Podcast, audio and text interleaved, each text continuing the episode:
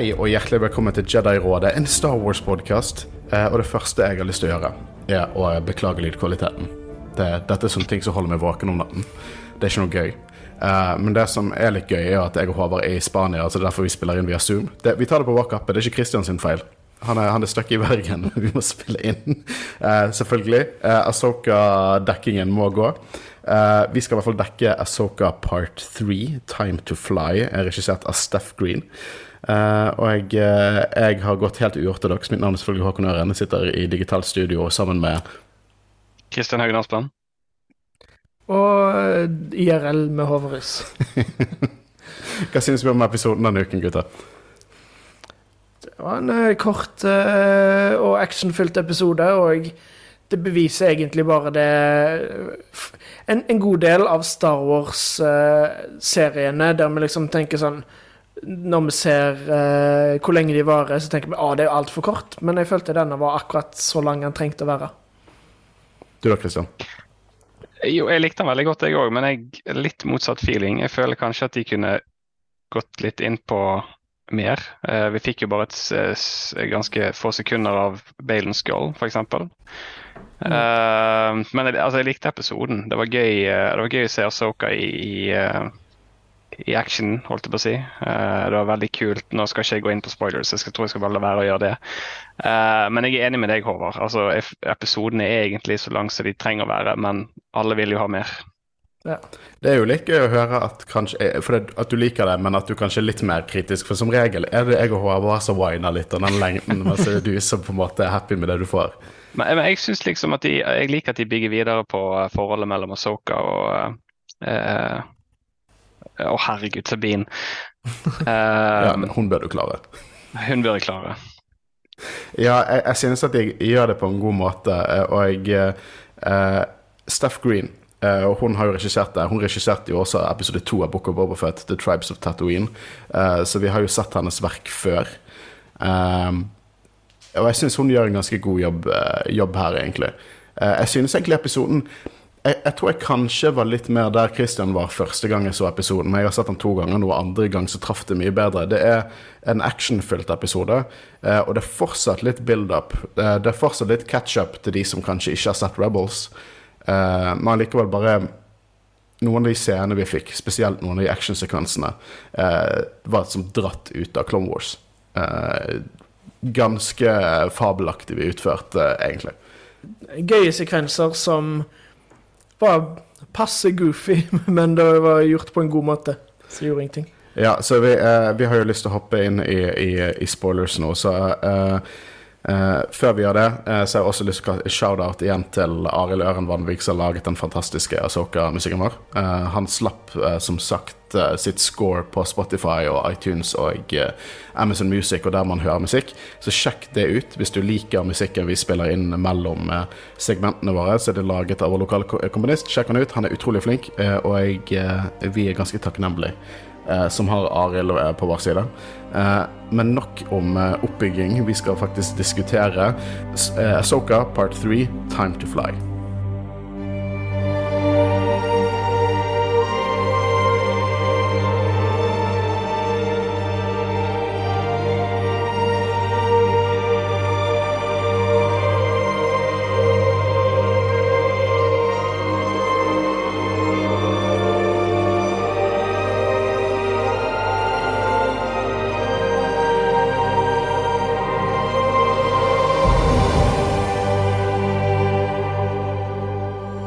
Episoden starter jo egentlig der vi, we left off. Eh, da. Uh, hyperspace på vei til Denab, og vi får en eh, jeg, vil ikke kalle det Det, det er på en måte en, en klassisk Star Wars-trope med den treningssekvensen. En, sånn, en episode som får meg Eller en del segment som får meg til å tenke én, selvfølgelig A New Hope med Luke, uh, og Trials of the Dark Saber-episoden fra Rebels. Uh, og det er liksom Det er super-samurai-inspirert med liksom de her bukken, uh, uh, lightsaber, treningspinne og veldig kendo-inspirert greier, som igjen pusher på denne samurai-viben som, som Asoka virkelig går for. og hele det Luke-spelet med der visoren nede, og hvordan skal jeg klare å, å blokkere lightsaberen når jeg ikke ser noe? Og det, det er klassisk Star Wars. Det er liksom det er nesten litt sånn goofy hvor mye Star Wars er, men det er en klassisk trope. Og jeg syns det er utrolig gøy også å se Hu Yang, som har liksom en sånn praktisk Han er liksom ikke bare Olivander, eh, lightsaber-ekspert, eh, han er faktisk en praktisk treningsdroid også. Jeg prøvde å finne litt sånn referanser til det. Han sier sånn key-ray, eh, guy-key og masse sånne begreper. Jeg fant ikke ut hvor nøyaktig det kommer fra, men det jeg begynte å tenke på, uh, var i Legends, så fokuserer de De gjør det også i Cannon, men mye mer i Legends, alle de ulike lightsaber-stansene, uh, som jeg, jeg, tror de har hentet inspirasjon uh, fra der. Mm. Det var veldig kult måten de gjorde det på, med at det var nesten sånn hologram-target som hun skulle treffe, og du så jo på en måte at det var et spesifikt mønster hun skulle ha truffet. Så selv om hun på en måte klarte å blokkere alt mulig sånn, så var det på en måte ikke så nøyaktig. Så Huyang var jo ikke helt overbevist. at det var, Hun kunne jo gjort det bedre, på en måte. Not bad, but not good. Vi kan snakke Hva synes du om denne scenen, Christian? Nei, dere har egentlig oppsummert den ganske bra. Eh, jeg syns det var gøy å se Huyang. Huyang. Ja, du, du har nailet uh, ja. uttalelsene denne sesongen. Takk, takk. Eh, vise, har flere liksom eh, sider, da, og kan gjøre sånne ting som dette her. Jeg syns er veldig kult at de kan eh, utvikle den karakteren òg. Skal vi snakke litt om hvordan Hu Yang konstant sånn bygger Sabine ned på en eller annen måte? Eh, fordi at eh, vi så jo han i, i de to forrige episoden egentlig snakket Sabine opp, men nå er det liksom sånn Ja, du, du, du, du bare suger. Er, alle Jedi jeg har møtt, alle har vært bedre enn deg. Er det litt en sånn omvendt psykologi for å prøve å få Asoka til å på en måte se det positive i alt dette her? Jeg føler at sikkert både det å få Asoka til å se det positive, men òg presse Sabine til å liksom vise seg fram at på en måte det at han hele tida snakker henne ned, og sånn som det er når eh, det han sa om The Force i forrige episode og alt mulig sånn. At han Jeg tror nok han vil pushe Sabine ekstra mye for å få det, det beste ut av hun. Det er det jeg òg eh, tenker. For han hadde jo eh, innflytelse på at hun kom tilbake til eh, Asoka eh, i forhold til de to første delene. Eh, hun påvirket jo eh, lite grann Nei, han påvirket jo lite grann at, at hun eh, kom med i, som eh, Asoka sin Padawan igjen. Og det denne episoden gjør, er jo at den uh, Den utdyper litt på det der at det åpenbare her, det åpenbare spørsmålet. Hvorfor er har Sabine The Force, liksom? Og hva er deal med The Force? For det at eh, de begynner jo å på en måte eh, snakke litt om det senere, jeg skal hoppe inn i det, men de går inn på dette her med hennes skills og eh, hvordan Asoka mener at det er din Mandalorian liksom, upbringing som gjør at du klarer å kjempe sånn som du gjør, men du trenger mer for å på en måte gå mot som, slåss mot de, de uh, fiendene vi har nå. Du må være mer Jedi, på en måte. Eh, og den der utrolig kule sekvensen når eh, de rett og slett slåss mot hverandre mens Sabine har på en måte visoren nede. Eh, mm. Klassisk Star Wars, som sagt. Og det virker som at hun får faktisk litt kontroll på det. Mm. Helt ja, mister kontrollen.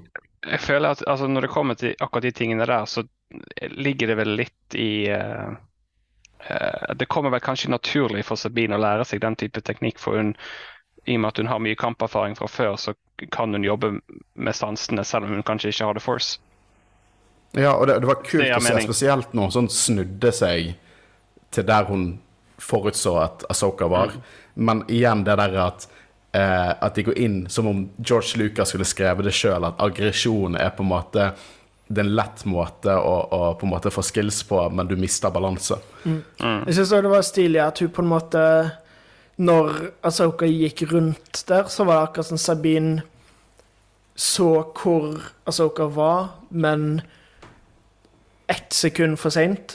Så da hadde Asoka allerede rukket å flytte seg, så det var på en måte det at hun det var jo òg litt fordi at Asoka gikk rundt og tok på henne, da. Men jeg følte òg at det viste at liksom hun hadde litt kontroll, men hun må bare lære å tune det litt bedre inn, og på en måte bli mer Få enda bedre reflekser til å på en måte reagere når det skjer, og ikke bare i etterkant. Jeg har egentlig lyst til å For at, jeg, jeg, Vi pleier å gå kronologisk gjennom det, men jeg har lyst til å fortsette litt på, på egentlig samtalen de har på skipet før vi går på dette Hera som snakker med Senatet, som også er utrolig interessant.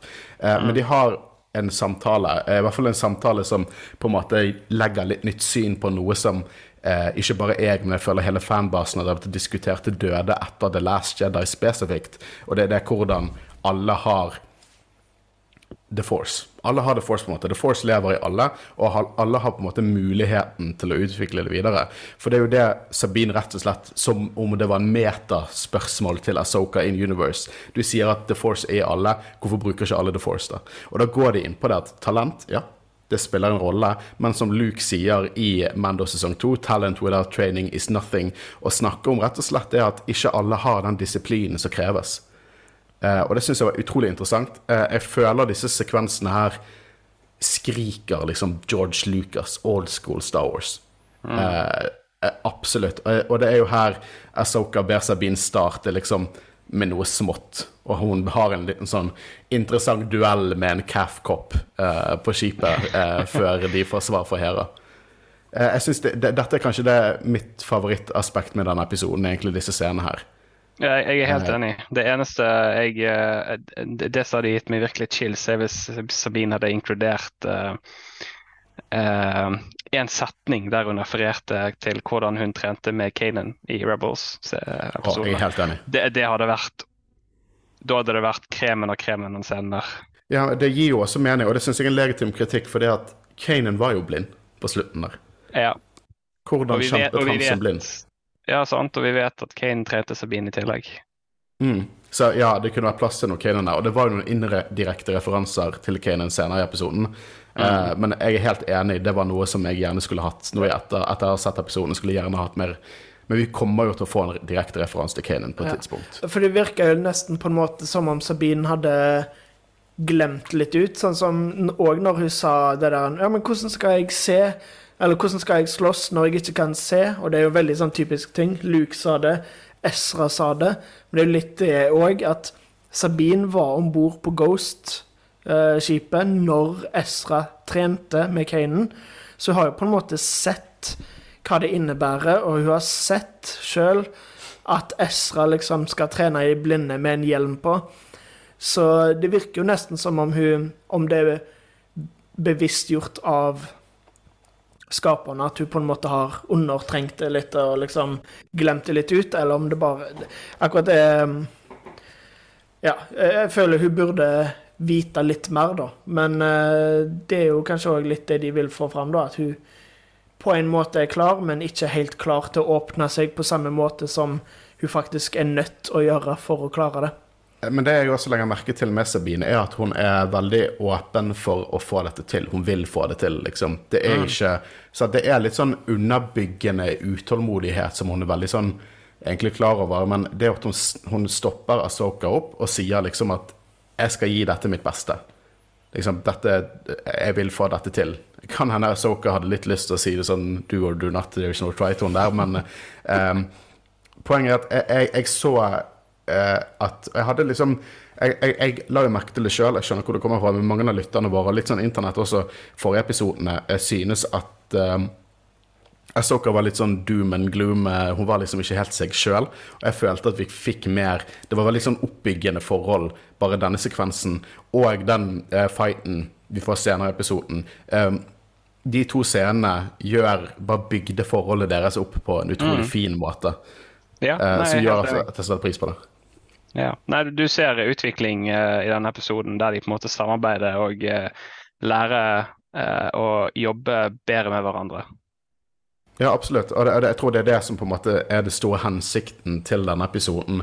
Er Mm. egentlig å gi de et bedre utgangspunkt som mester og padawan enn det vi Ja. kanskje så i de to første episodene. Så jeg syns absolutt at det er en essensiell episode i hele, og jeg gleder meg til hvor det går videre. Eh, men vi får jo også se vårt første liksom skikkelig syn på The New Republic-senatet her. Eh, og det første som treffer meg, er at jeg ble aldri lei av å se liksom The New Republic-flåten med Home One, det var noen Hammerhead Corvettes i bakgrunnen, eh, og Kevin Kiner sin nydelige Star Wars-musikk. Sånn, jeg, jeg elsker den musikken som har kommet ut av sånn Mandalorian og Andor og sånn. Det har vært noe annerledes, men å gå tilbake igjen til sånn skikkelig old school George nei, John Williams, George Williams, Jesus. Eh, John Williams, Star Wars-esk musikk. Eh, utrolig kult. Og la jeg merke til at det var litt sånn dyster musikk når du så flåten. I hvert fall med tanke på når vi får møte med Senatet. fordi at, eh, Eller i hvert fall eh, komiteen ledet av Supreme Chancellor Mon Mothma, som var utrolig kjekt å se. Eh, jeg var jo også litt sånn bekymret over at For det er jo eh, det er Gwenowyn O'Reilly som spiller Mon Mothma her fortsatt, som fra Endor og uh, Revenge of the Sith. Men jeg var litt redd for at det kom til å bli en litt sånn toneproblem hos meg. For Endor har en veldig annen tone enn Asoka, men jeg følte hun var dratt rett ut av Endor. Jeg synes det, det på en måte, det knyttet de to seriene opp perfekt, syns jeg. Hvordan var det for dere å se Mon Mothma? Ja, nei, det er jo på en måte den måten Mon Mothma vi kjenner. Eh, kanskje og selvfølgelig enda mer utvikla, fordi i Andor så er det jo helt til starten av hennes på en måte karriere som uh, rebell og, og sånn. Uh, så hun har jo en lang vei å gå. Uh, men allikevel så er det på en måte litt den samme personligheten, bare enda klarere på det hun vil, da, på en måte. Kanskje en konflikt fra henne der hun, føl, hun ønsker å være mer aktiv i kampen framfor å måtte være så diplomatisk. Eh, for du, du, merket jo at hun hadde lyst til å hjelpe Hera. Uh, og antagonisten her var jo uh, Hamato Siono, altså faren til Kasuda Siono fra Star Wars Resistance. og vi ser jo det hvordan Kasuda helt klart er sønnen hans, for det han er en doofus, akkurat som faren er en doofus. Og det er sånn typisk sånn, Han har ikke kjempet i krigen. Eh, han er der og liksom skal bestemme, og Hera sier det til slutt. Og du bare ventet til hvem som vant, du. Eh, og eh, det har blitt en Star Wars-trope. Du har liksom de, de, på en måte gamle, kloke lederne som ikke klarer å gjøre en dritt det, det, er Jedi Council, det er New Republic i psykotrilogien, det er også New Republic i liksom denne Mando-æraen. da, eh, som er Det har blitt en Star Wars-trope, på en måte. At eh, lederne the good guys suger, rett og slett. eh, for det er de anklager og Han anklager jo rett og slett eh, Hera for å ville lete etter Throne pga. Ezra. Uh, og at derfor bruker masse av ressursene til New Republic. Og de er ikke bekymret for Throne, de mener han er død. Uh, og uh, at Empire ikke er farlig, for de har liksom ingen De har ikke en stor leder. Det de er ikke sentralisert, på en måte. Noe Hera er redd for skal skje med Throne. Og noe vi faktisk har sett i Mandalorian, at det er en Det der Shadow Collective, at det er faktisk mer organisert enn det virker, da. Og det, er det som gjør det er så kult med kontinuiteten til den nye Star Wars nå i serieeraen, er at når du ser disse scenene, så tenker du på Mando sesong 3. sant? Og du, du, ser på en måte begge sider. og Du ser kontinuiteten og canon og alt det, og jeg syns det er dritfett. Um, jeg syns også Jeg glemmer alltid hvem som spiller Hera. Christian. Mary Elizabeth. Konen til Hugh McGregor. konen til Hugh McGregor. Konen til Kenobi. Uh, her, når hun snapper liksom 'You don't know that' om Ezra Jeg syns hun har overrasket meg uh, som Hera. Synes, uh, hun skriker Hera nå. Mm. og jeg syns det, det, er kjempekjekt å se. Og kanskje noen av de beste Mon Calamari-statistene jeg har sett. Som, de ser så utrolig mye bedre ut enn de gjorde i Mendo. Um, jeg liker også den lille setningen der hun ene senatoren der, Rodrigo, som er en ny karakter, som sier liksom Vi har Imperials overalt i infrastrukturen vår, og de har sverget eh, liksom, lojalitet til oss. Og så sier Hera 'Long live the Empire'. Empire skriker ikke akkurat disse folkene vi trenger. Eh, og det faller jo tilbake igjen. Du kritiserte at de sa det, men sånn, det hadde ikke vært denne sekvensen hvis ikke han skrek jævlig lite diskré 'Long live the Empire' før han angrep the good guys. Mm. Eh, vi får jo se også Chopper og Jason, og eh, vi kan legge ned pitchforkene våre. For Lego-settet med grønt hår, den med brunt hår, han har faktisk grønt hår. Han har så grønnbrunt hår, så det var veldig viktig. Og denne scenen er liksom Det er Chopper og Jason, og Jason løper ut og sier sånn å, tante Sabine skal bli Jedi. Jeg har også lyst til å bli Jedi. Så sånn, ja, sure, Jason. Eh, det var en kid, og det var litt kleint, men det er liksom Det er hva det er. Det er kult å se Jason Eh, jeg, mm. jeg, følte jeg hørte litt sånn Kanan-tematisk musikk i bakgrunnen eh, når det skjedde. Jeg vet ikke hvor mye han kommer til å spille eh, i denne serien, men Nei, jeg, jeg tenkte egentlig bare på en referanse eller noe sånt. Ja. Ja. Eh, han har jo på en måte vært i bakgrunnen, for det, her har dukket opp i mye canon, liksom eh, Star Squadrons eh, i bøkene og sånne ting. Og det har alltid vært referert til Jason, så det, det er på en måte dette er første gang vi ser han siden epilogen til Rebels, så det er jo et stort øyeblikk. Eh, videre så ble jo de uh, liksom informert til Asoka og Sabine at ikke de får forsterkninger, men før det skjer, så har uh, egentlig Huyang og Asoka en ganske fascinerende diskusjon rundt egentlig jedienes metoder, der han på en måte Han backer opp hele dette her med at Sabine hadde aldri blitt tatt inn i Jedi-ordren i sin liksom peak, og, og, og Asoka snakker litt om dette her med at ja, ja, men Jediene feilet, så metodene deres kan ikke ha vært alt. Og jeg syns det er kjempeinteressant. Og her er det også referanser til, eh, til Tar Wiesla, når Huyang sier at eh, i historien så er det veldig få Mandalorians som hadde helt tatt klart å wielde the force. Eh, hva synes dere om denne sekvensen? Det er gøy å høre på en måte litt sånn At det ikke bare er meta Det har vært veldig mye diskusjoner om hvor ubrukelig Jedi-ordren har vært, og på en måte Eller ikke ubrukelig, men at, at det er en grunn til at de feila, fordi de hadde liksom hubris, på en måte. At de, at de var liksom de, de, trodde de, var, de trodde de var for store til å feile, men så feila de. Og det er interessant å på en måte høre det inni universet òg, på en måte hvordan eh, At det, det var kritikkverdig noe av det de gjorde, og noe av måten de eh, opererte på, da. Så likte jeg også veldig godt når eh, på en måte nevnte det at ja, men Asoka er jo egentlig ikke en Jedi, og så jeg kan gjøre, gjøre litt hva jeg vil, på en måte. Ja, og at hun ikke forventer at Sabine skal være en Jedi heller. Uh, at det er mer uh, At hun vil at, mer at hun skal være seg sjøl, noe annet kanskje. Og så likte jeg veldig godt det at Huyang sier på en måte det at du kommer jo fra en linje med utrolig utradisjonelle Jedi, og da tenker vi selvfølgelig Anakin, men husk også sånn eh, Qui-Gon er jo en del av den lineagen. Han var mesteren til Anakin på et tidspunkt. Eh, og Count Dooku var en utradisjonell Jedi eh, som gikk litt feil vei, men han var jo på en måte Han hadde jo oppriktig egentlig noen av de, de lignende på en måte tankegangene som Asoka har, som også gir litt mer dybde til, eh, til Tales of the Jedi med tanke på hvorfor det var de to karakterene eh, vi nettopp fikk. Det var to karakterer som er ganske parallelle i hvordan de ser på ting, men de gikk helt feil omvendt retning, på en måte. Eh, og det er liksom på en måte det som er liksom det gøye med å være litt dypt eller på en måte være litt sånn altoppslukende med Star Wars, at du trekker de parallellene. Og det er ikke sikkert at nødvendigvis det er sånne ting som serieskaperne på en måte har tenkt nødvendigvis hardt over, men de parallellene er der uansett, for det er canon storygroupen knytter canon så eh, godt sammen. Og jeg vet at det er mye kritikk til at de er for strenge, liksom, men det er sånne ting som jeg sitter igjen med. da. Jeg tenker Count Dooku når jeg eh, ser den scenen, og eh, jeg synes at det er kjekt at denne serien tar seg tid til å ha sånne øyeblikk.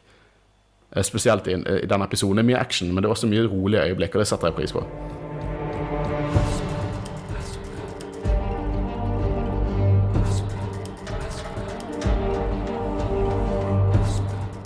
Nå eh, dukker jo de opp på, eh, til Denab-systemet og finner ut at de blir jammet, og da får du litt den der That's No Moon-momentet her.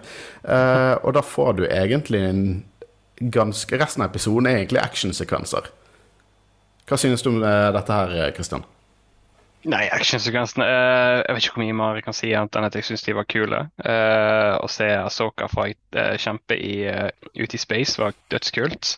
Det var, Det var dritfett. det Det var var, sånn dratt ut det av Cold War. nesten, det, nesten lyst på sånn capture photo, bare så jeg kan ha det som bakgrunn på PC-en, for det var awesome. Ja, Um, absolutt, Hun står der og bare uten å bevege seg igniter lightsaberne. Jeg syns det var dritfett. Og før det så var det jo òg ganske stilige um, dogfight. Eh, det var vel eh, Mm.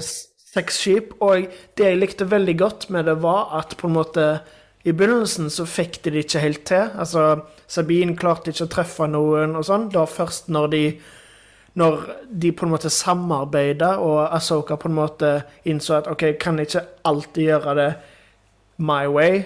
Vi må Mm. på en måte gjøre kompromiss. Og så etter hvert så begynte liksom Sabine å ta litt over og liksom si OK, gjør dette nå. Og så, så endra hun retning, og da klarte hun liksom å skyte. Så det er på en måte Jeg føler de, dette her er òg veldig sånn Vise hvordan de kan klare å lære Sabine til å bli en Jedi, med at de må rett og slett samarbeide.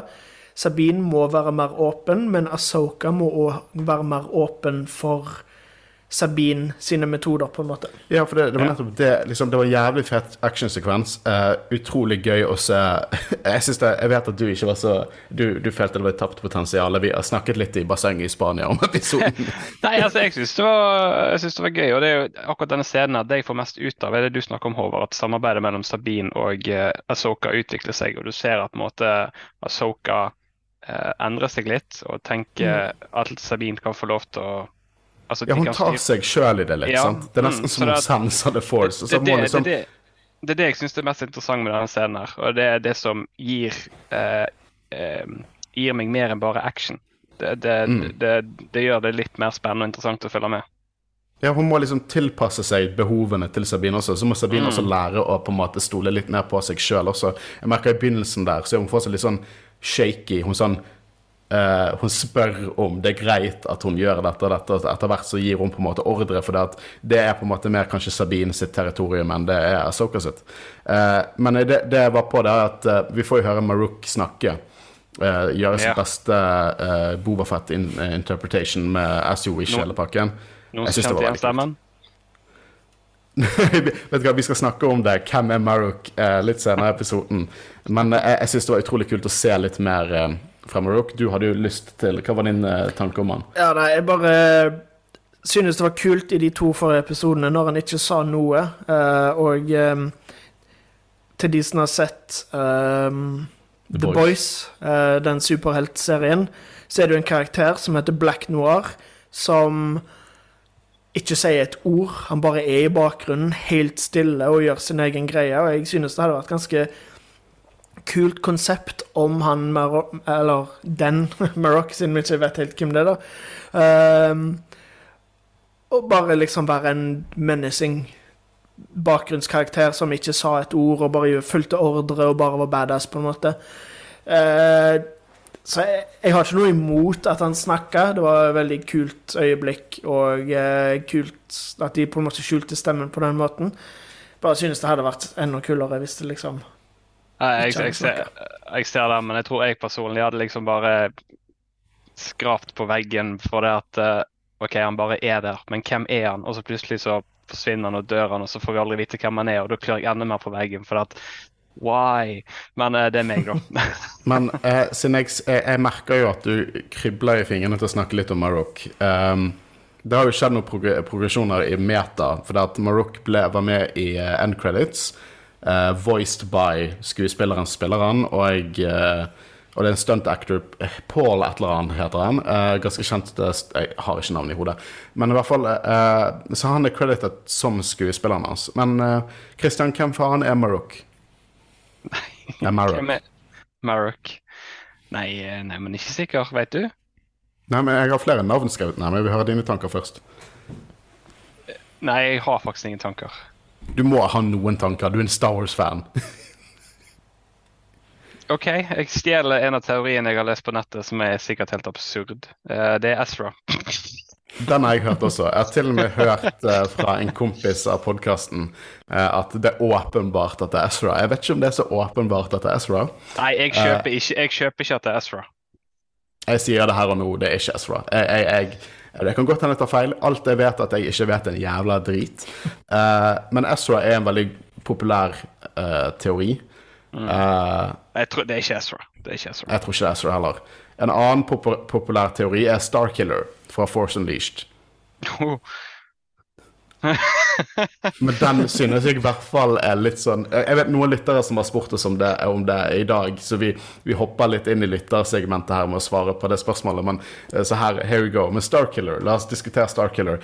Um, jeg skjønner ikke Hvis det skulle vært Starkiller sånn, Jeg tror ikke Starkiller er en stor nok uh, liksom legacy, eller en legends-karakter til at store deler av publikum hadde skjønt hvem han er. Og hvis det hadde vært Starkiller, så hadde mye av det som hadde gjort han til Starkiller, hadde ikke gitt mening. Sant? Han er ikke Vader sin apprentice. Jeg tror ikke det er plass i canon til at Vader har en hemmelig apprentice, sånn som han hadde med Star, eller Galen Merrick, Starkiller. Uh, så hvis det hadde vært noe Starkiller adjacent, så kunne jeg forestilt meg at det kanskje var spilt av Sam Whitwer, og det var en referanse til Starkiller, men ikke Starkiller himself. Sånn rent in universe så forstår jeg ikke hvor, hvorfor det skulle hatt, vært Starkiller. En annen populær teori er, er Barris Offie uh, fra Clone Wars. Uh, hun har jo fanbasen lenge, lenge, lenge ville sett hva skjedde med. Hun gikk jo dark side i Clone Wars. Um, det eneste er at ja, Jeg kan ikke utelukke at det er Barris Offee, men det, andre, som får meg til å tenke det ikke er det, at det åpenbart er en mann. Og det, i, i på en måte end creditsen så er det han som får credits for karakteren. Uh, og jeg, jeg, vet at dette er kjempekjedelig av meg. Det er dritkjedelig. Uh, jeg tror, det, jeg tror Marok er Marok. Jeg tror han er en ny, kul karakter. Og jeg håper han er en ny, kul karakter, for å være helt ærlig.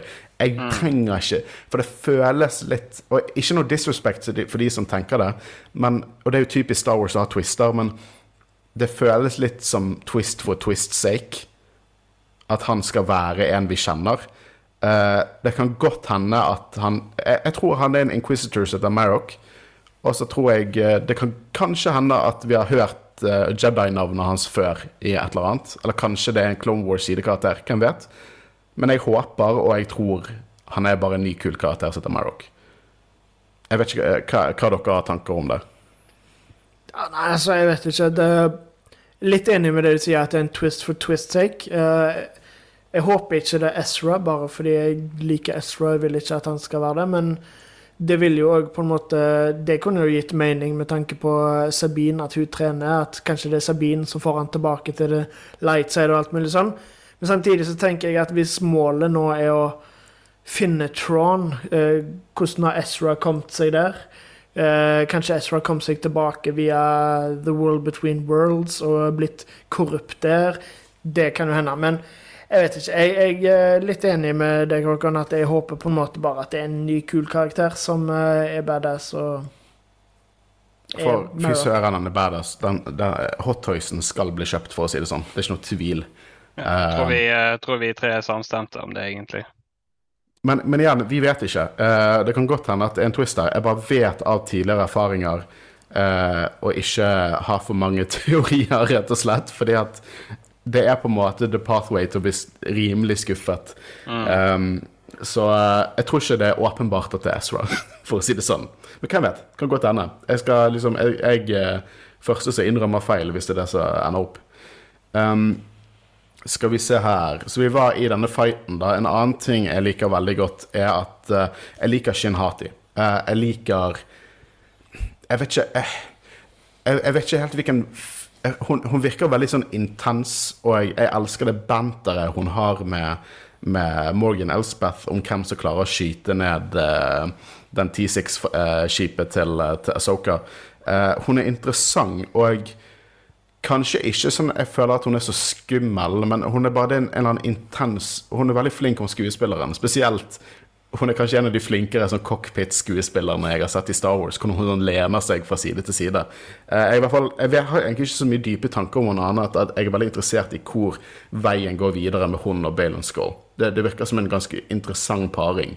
Og en god sånn antagonistisk par til Sabine og Asoka. Mm. Eh, vi får jo se The Eye of Zion. Jeg, nei, jeg håper jo litt på det at det blir litt mer karakterutvikling på de karakterene vi ikke er så godt kjent med. Ja, det, det, det, må jeg nesten tro at det blir. ass.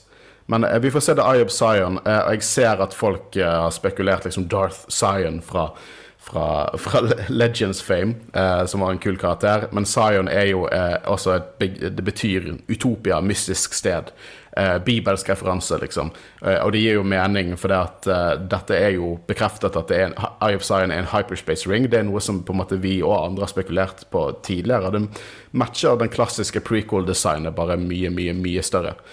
Eh, så vi kommer jo på en måte inn eh, Kan ikke du bare få det utover hva du hadde helt rett om? Ja, eh, fordi eh, Huyang eh, tar jo og analyserer det, og så blir det jo nevnt da at eh, akkurat som jeg sa, eh, hvordan eh, Purgles, Space Wells, er involvert, at det er faktisk grunnen til at de vet på en måte hvor de skal, er fordi det er en del av migrating routes. At de kan At de på en måte emigrerer mellom galakser og alt mulig sånn. Så noen ganger så klarer jeg å spekulere. Kanskje du burde styrt at den podkasten med programleder? uh, men apropos Purgles. eh, vi, kan vet hva, vi glemte litt, for når vi dekker Asoka nå, så forventer jeg at folk har sett den fantastiske Star Wars-serien Star Wars Rebels. Um, men skal vi snakke litt om hva betydningen til Space Whales, eller Star Whales, eller Pergles, som de kaller det, er. Og det er jo rett og slett eh, vesen som klarer å hoppe inn i hyperspace. De klarer å få tilgang til den dimensjonen. Det er en dimensjon, som de klarer å, reise raskt gjennom. Eh, og eh, de spiller en veldig sånn stor mystisk rolle i på en måte evolusjonen til lightspeed travel i seg sjøl. Uh, spilte en stor rolle i den fantastiske Star Wars-serien Star Wars Rebels. Hvis dere ser den, så får dere alt det forklart, men denne serien pusher jo på det, og det er jo virkelig Håvard var right on the money her, fordi de flyr ned, møter på Space Whales. Vi har sett litt hint av de i live action, men nå får vi se de liksom i sin store, Ja, for, kan, kan jeg bare si at vi så jo de først eh, eh, i Mando, når han er i hyperspace, og de, du ser det liksom i bakgrunnen. Men fy faen så bra de ser ut i live action her. Ja, helt sykt, altså. Det var, vi så jo i, i hvert fall slutten av Rebels da, at det er veldig store forskjeller i størrelse. Det er akkurat som noen er på en måte Mama Whales, sånne svære giganter, og her var de svære. Ja. Kjempekult å se. Terrifying. Jeg er redd nok store ting i havet, men, uh, men ja, jeg syns de så helt fantastiske ut. Jeg syns eklyserien her, uh, CGI-en og sånn, ser praktfull ut. Som jeg føler at Jeg føler at mye av kritikken som har vært mot Star Wars-serier, spesielt fra sånn 2020 til 2022 og sånn Jeg tror vi må begynne å skylde litt på covid, ass. Eh, for det, dette her, hele denne serien så langt, har sett eh, filmkvalitet, liksom. Det det, det er så bra. Uh, og spesielt, Jeg merker det spesielt når jeg ser sånn flåten. Jeg så flåten i Mandalorian, og jeg ser flåten her. Det, er bare, det, ser, det, det, det ser så jævlig bra ut. Uh, og det er så gøy å få sett det. Og jeg, jeg elsker Huyang. Seriøst. Huyang, eh, sånn når de lander i skogen og jeg sier sånn her Jeg kan ikke skru meg av. Jeg har masse arbeid å gjøre. Sånn, ja, men det er standard Jedi protocol. OK, godt poeng. Og så skrur han seg av. Eh, kjempevittig. Dritbra karakter. Så gjelder perfekt droid til å accompany de to. Med sin tørre humor. Og at David Tennant kommer tilbake og spiller det, syns jeg bare er helt fantastisk. Ja. Um, det, det, det passer som comic relief med det der. Det, Eh, episoden avsluttes jo med at Balen Skull sender liksom styrkene sine ut i skogen for å hunte som Jedi. Og hvis det er én ting den skogen skriker, er liksom Her kommer det til å være noe badass lightsaber duels. ass. Neste episode det tror jeg blir en fet ass-episode. Eh, jeg tror mye av Ja, de da, sekvensene vi har sett, eh, da får vi en face-off mellom Balen Skull og Soka. Det tipper Ja. Basert Og vi har sett fra traileren at de er der, de er på Cetos og snakker, liksom. Ja. Eh, men la oss snakke litt om den hyperspace-ringen, da. Fordi at, hva, hva er dealen der? De, de, de, den er kraftig nok til å reise til en annen galakse. Det driver de og spekulerer om i episoden. Men er det noe tradisjonelt sånn dokking av et større skip som skal i den?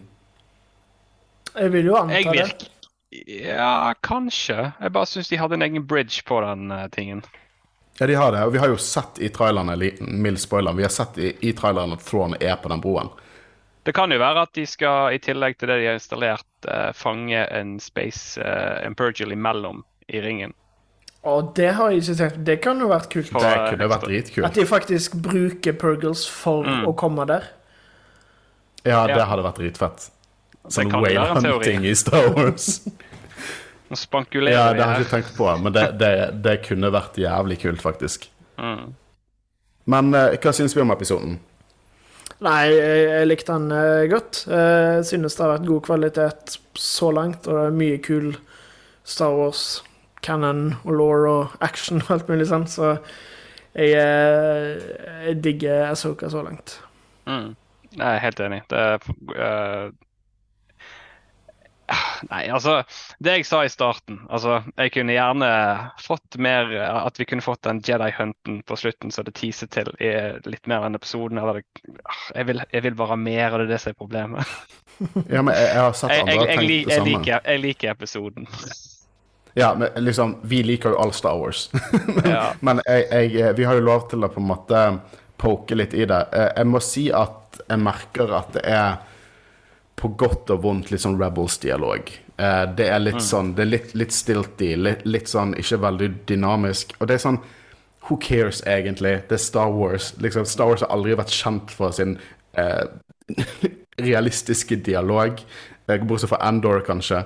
Så det er ikke noe som plager meg, men jeg syns det er verdt å nevne, kanskje. Eh, jeg synes at Asoka så langt har vært uh, pretty great.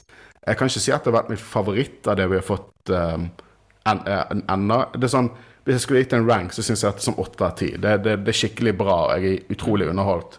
Uh, og jeg tror det har potensial til å gi oss noe helt insane, wacky, cool shit neste episode. Mm. Jeg er jo veldig spent på når Tron blir introdusert. Ja, la oss snakke litt om det, da. For det, at, det er jo mye Det er mye som tyder på at ditt verste mareritt uh, faktisk skjer, at Tron ikke kommer før slutten av serien. Tror du fortsatt det? Jeg Sånn som det utvikler seg nå, så tipper jeg at han kommer med i uh, de tre siste. Ja, vi har jo diskutert uh, med noen av de vi er i Spania med. Uh, og hun ene hun mente at uh, vi kommer til å se Throne snart. Men at Ezra kommer den til å være på slutten av serien. Det kan sikkert stemme. Altså, Jeg kan jo se for meg at episoden neste onsdag kommer til å avslutte med at de finner Throne. Altså, det kan jo være en sånn type episode. For kan, jeg tror ikke det hele episoden er kamper i skogen, selv om jeg ikke hadde hatet det for deg. Jeg har lyst til å se Asoka med Mando-hjelmen sin på, bare kicke ass med en lightsaber. Sabine, mener du? Sabine. Oh, sorry. ja, ja. Nei, men vi er fornøyd eh, så langt. Nå, nå var jo på en mm. måte dette her litt sånn uh, First Price-versjon av Jedi-rådet med tanke på lydkvalitet og, og litt sånn, men uh, vi får det til å gå rundt. Så vi spilte jo inn episoden samme dag som serien kom ut, så vi har ikke hatt så god tid til å uh, til å høste lytterinnspill. Men vi var et par av dere som var raskt nok ute til å være med.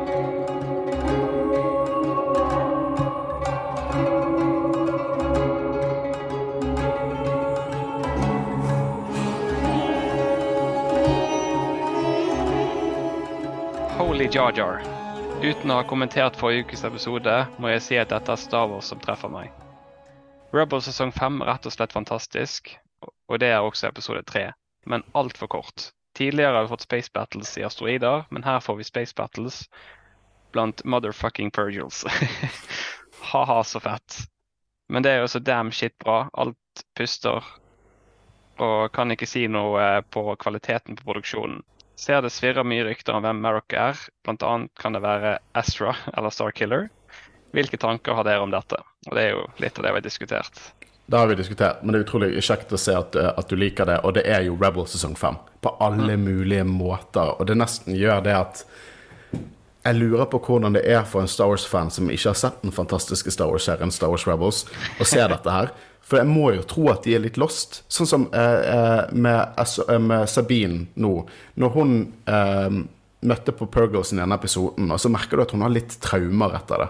For forrige gang hun så disse eh, vesenene, var eh, med og Ezra når de ble tatt vekk.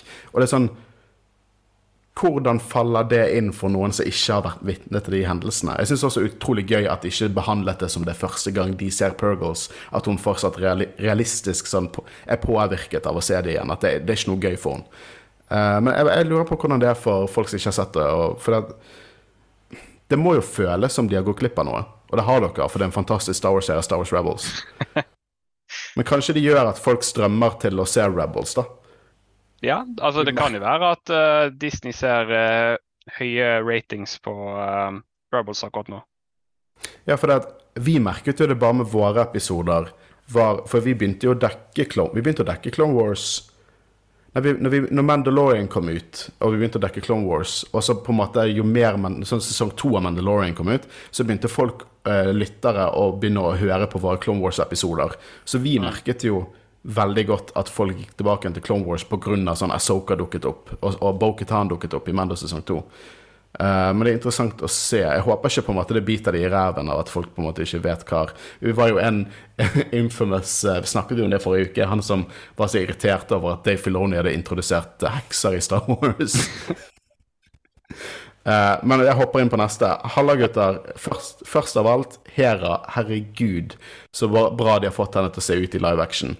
Jeg var redd for at hun skulle se skikkelig fake ut, men herregud, se detaljene på øynene og alt. Det er så bra. Det er sjelden jeg legger merke til skuespillerprestasjoner også, men hun her er rågod. Jeg tror på alt hun gjør, og jeg glemmer at hun er et menneske. Og så over til det som plager meg litt. Jeg klager ikke, for all Star Wars er god Star Wars. Amen. Men jeg sliter litt med å forstå og tro på Shin-Hati. Hittil så virker eh, hele karakteren litt weird og malplassert. Jeg blir virkelig ikke redd henne, slik jeg på en måte, uh, slik jeg blir på en måte, på en måte blir av alle de andre skurkene i universet. Jeg skjønner heller ikke helt rollen til Sabine som de bygger opp i denne serien heller. Alt dette kommer sikkert til å gi mening om et par episoder, men jeg føler at Sabine kunne vært råere og mer badass, og det samme med Asoka, selv om vi fikk se henne gjøre Space Jesus-ting i denne. Når man først skal lage en helt egen serie om henne. Men dette kan de som driver med, med det, så jeg regner med at dette syes sammen til en perfekt historie til slutt. Jeg bare skjønner ikke greien ennå. Men jeg elsker det likevel. Gleder meg som unge til å se hvordan de blander inn Anakin inn i serien, og håper vi får se mer av Ezra. Og hvor faen er Seb? hvor faen er Seb indeed? Han må jo dukke opp. Ja, det må han. Jeg, jeg, jeg, hadde, jeg hadde glemt han. Har du glemt Seb? Å, jeg, jeg vet Han kommer sikkert neste uke, fordi det som skjedde nå, var jo at Hera sa liksom Ja, jeg kommer ikke, flåten kommer ikke, dere får ikke hjelp. Men Seb, kanskje? Ja, kanskje bare sende Seb og Chopper. Da hadde jeg Ja, digget å sette i live action. De Seb to. må, Seb må komme. Ja.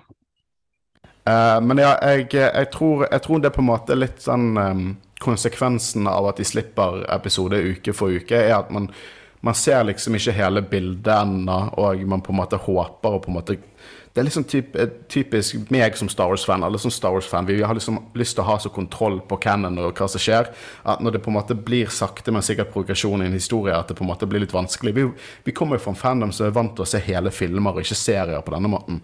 Uh, men jeg uh, hva de gjør med Sabine. Jeg tror at hun er på mange måter en virkemiddel på, på hvordan det er liksom dette her med The Force fra en som ikke har nødvendigvis utgangspunktet til å ha det. Pluss at hun er jo en karakter som allerede har blitt bygget opp i, i fire sesonger av Rebel, så det er på en måte videreutviklingen av det vi så der, da. Uh, men jeg tror, jeg tror som, som vår lytter sier, at alt kommer til å henge bedre når vi har fått alt. Så det er de kommentarene jeg har. Bare meg som legger, mer legger merke til annerledes musikk i Asoka. Personlig liker jeg det. Føler det skiller seg bedre fra de andre seriene. Keep up the good work. Jeg, jeg føler at på mange måter er det veldig John Williams der det passer det, men som eksempel fight-scenene, så blir det sånn litt sånn asiatisk samurai-vibe. Og jeg viber så sykt med det.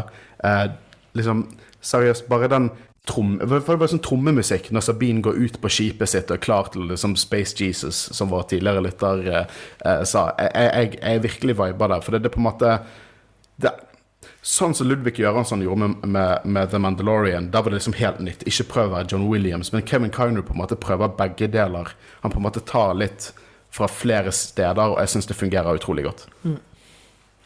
Neste kommentar er skuffa over at Kiner ikke spilte mer på OG Williams i kampscenene, som i Rebels. Det var jo veldig passende. Ja, og det var jo litt det vi snakket om, da. At på en måte han blander inn John Williams her og der, men og så gjør han òg sin egen greie. Og pass- jeg syns det passer veldig med det samurai-effektene, da. Samurai-ish. Siste kommentar er råeste World War II dogfights jeg har sett. Ikonisk lydeffekt og look med en Star Wars-twist. Og eh, ja, det var kjempekule skip og eh, en kul sekvens, bare generelt sett. Jeg likte de der fiendeskipene som har litt sånn hot rod in space, eller sånn egentlig World War II-vibes på det, med sånn den tjukke fronten og vingene. Um, det var interessant også å legge merke til at alle disse fotsoldatene, red-skirtene, matchet jo det looket som vi så i Mando sesong 2. Uh, så det er helt klart en større Hvem de er, det vet jeg ikke. De snakket uh, tis, da. Er det aliens, liksom? Det er jo også veldig interessant. Det er masse spørsmål her. og Jeg, jeg merker at det kribler i fingrene etter å se Thrawn. Uh, Jeg vil virkelig se han, og så vil jeg høre han snakke. Det er det jeg gleder meg mest til i, i denne serien. Altså. Men har vi noe mer å si om, om episoden? Jeg har fått fram det meste, og jeg gleder meg til neste uke. Lenge å vente. Ja, og eh, for eh, Dere som lurer på hvordan dere sender inn lytterinnspill, det gjør dere ved å følge oss på sosiale medier. Vi spør en gang i uken hva folk synes om, eh, om episoden i en story. Og hvis det er for kort å skrive dine tanker i storyen, så bare send oss en PM. De leser vi, og vi setter pris på alle vi får. Eh, det er faktisk dritgøy å dekke fersk Star Wars, for det er da vi får interagere mest med lytterne våre. Uh, det var en ny lytter, eller jeg vet ikke om en ny lytter første gang han har sendt melding til oss og sendt inn nå. Uh, velkommen på bord. Det, det, er veldig kjekt å ha deg her. og så vet dere, gi oss en liten rating. Vi prøver å komme opp til 300 ratings på Spotify innen 20, 2024. I så fall Christian har lovd oss et hus eller noe sånt. Uh, må, vi, først, først, først, kjøpe sjøl, og så kan jeg tenke på dere. uh, uansett, gi oss en rating. Gi også på, på, iTunes for dere som hører oss via uh, Apple Podcast. Det har vi satt veldig pris på. og så kan jeg bare si at hvis det er noen nye her uh, Vi spiller som regel inn i studio. Nå spiller vi gjennom Zoom, så lyden vil ikke være helt optimal. Men jeg tenker at dere lyttere, 90 av dere foretrekker å faktisk høre våre tanker om, om Asoka framfor å måtte vente til at vi catcher opp. Så jeg håper dere setter pris på dette. her. Uh, og vi setter utrolig pris på dere. Uh, jeg elsker fersk Star Wars-season. Det finnes ikke noe gøyere enn å på en måte ikke vite hva som skjer i Star Wars, og kunne spankulere og spektisere. så ja, Mitt navn er Håkon Øren, og sittet sammen med Håvard Og Kristian Høgen Aspen. Og vi snakkes neste uke. Ha det godt. Ha det godt.